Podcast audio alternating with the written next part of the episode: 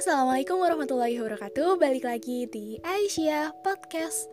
Nah di kesempatan kali ini Aku spesial banget episode kali ini Mau review kajian dari Ustazah Nur Alfa Nah di sini aku ambil topik yaitu mengenai Menggapai mimpi dengan nilah Oke langsung saja. Jadi pada dasarnya setiap dari kita Setiap muslim merupakan visioner gitu yang di mana kita mampu merangkai masa depan dengan cita-cita. Dan itu bisa terwujud karena kita niatkan dari awal kita mau targetin ini dan kita harus dapetin ini begitu. Nah ini jujur kalau pengalaman dari saya pribadi begitu ya nih kalau misal targetnya A juga A begitu. Namun tetap di sini saya juga berusaha untuk beradaptasi, terus mempelajari yang lain-lainnya begitu. Walaupun memang wajar sih kayak itu tuh nggak gampang dan di sini kita sama-sama belajar.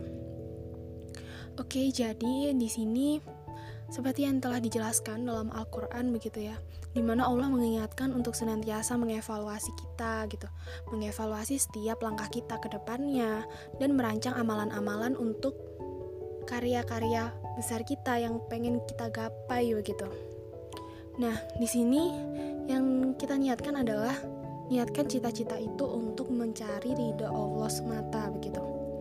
Karena apa? Karena ini nilai pokok untuk mewujudkan cita-cita begitu. Setelah kita berusaha gitu kita harus berikhtiar disambung dengan doa-doa begitu. Dan yang terpenting adalah niat itu tadi. Jadi niat itu memang sangat-sangat kompleks begitu ya. Harus kita atur sedemikian rupa di awal yang nantinya akan memperkuat kita di tengah-tengah perjalanan nanti sampai akhirnya kita mencapai puncaknya begitu. Dan di sini kita bisa mengambil kisah teladan dari Urwah bin Zubair.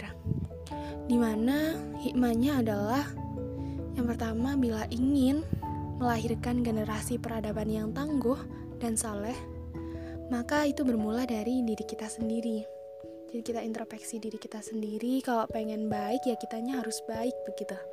Yang kedua yaitu kekuatan mimpi kita Insya Allah kalau kita yakin akan kekuatan mimpi kita, akan cita-cita kita, akan tujuan kita itu apa, itu insya Allah akan terrealisasikan dengan diiringi usaha yang kuat serta niat yang benar dan itu sebanding ya dengan usaha yang kita keluarkan.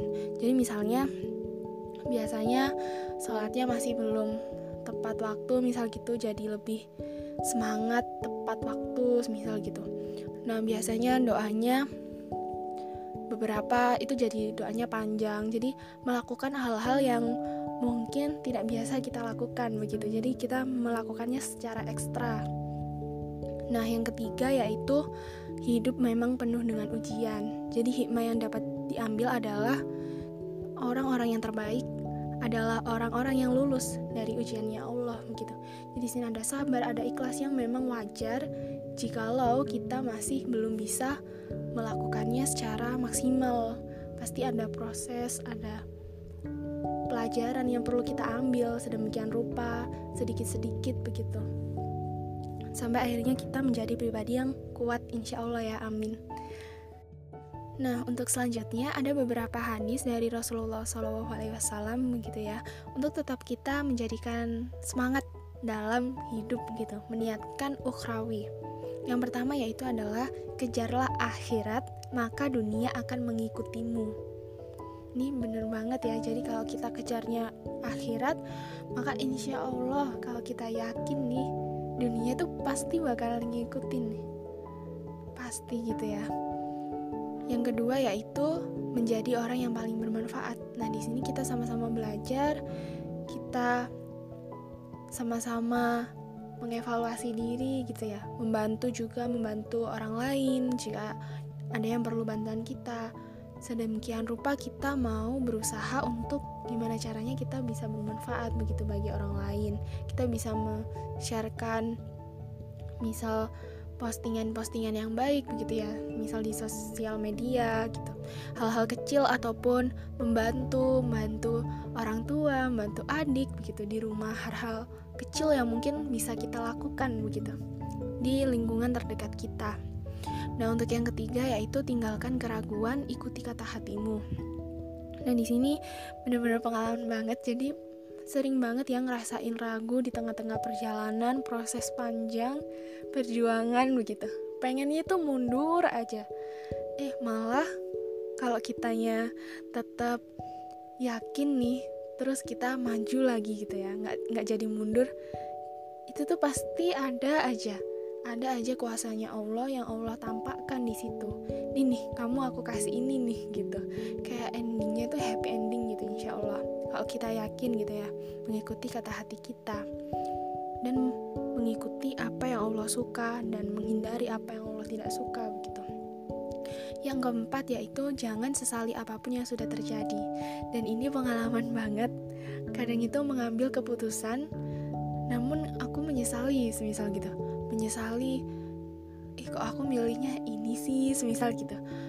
Tapi lagi-lagi kita di situ berarti kita belajar begitu Jikalau pernah melakukan kesalahan, okay, nggak apa-apa, itu dibuat introspeksi diri begitu ya. Kita evaluasi diri kita lagi agar tidak mengulangi kesalahan yang sama.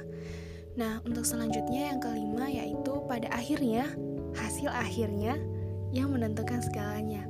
Di sini berarti sudah dijelaskan ya bahwa bahwa segala sesuatu yang telah kita lakukan, yang telah kita perjuangkan begitu nanti bakalan menuai hasil yang kita dapat atas segala usaha-usaha kita.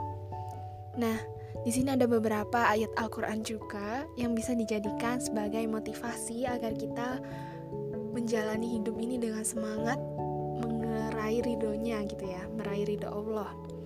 Yang pertama yaitu surat Yusuf ayat 87 yang artinya jangan berputus asa dari rahmat Allah. Yang kedua yaitu surat At-Taubah ayat 40 yang disebutkan bahwa cerita tentang Rasulullah dan sahabat Abu Bakar janganlah berduka cita sesungguhnya Allah selalu bersama kita. Jadi kita ingat-ingat ingat selalu Allah ini ada Allah ini selalu bersama kita. Kita nggak sendirian kita berjuang bareng sama Allah Subhanahu Wa Taala. Apa hal yang besar lagi dibandingkan Allah. Allah itu benar-benar maha besar dan masalah kita adalah masalah-masalah yang pastinya kalau bareng sama Allah bersama-sama sama Allah pasti kita bisa ngelaluin bareng-bareng gitu. Pasti kita bakalan bisa beresin kalau kita yakin nih kita punya nih Allah yang maha besar gitu. Seperti itu. Oke, untuk yang terakhir, yang ketiga yaitu surat Al-Imran ayat 139 yang artinya janganlah kamu lemah dan janganlah kamu bersedih hati. Padahal kamulah orang-orang yang paling tinggi derajatnya jika kamu beriman. Oke, sekian kajian di episodeku kali ini. Semoga kita di sini bisa sama-sama belajar dan semoga ini bermanfaat. Amin amin ya robbal alamin. Terima kasih udah tetap dengerin di Aisyah Podcast. Sampai jumpa di episode selanjutnya. Wassalamualaikum warahmatullahi wabarakatuh.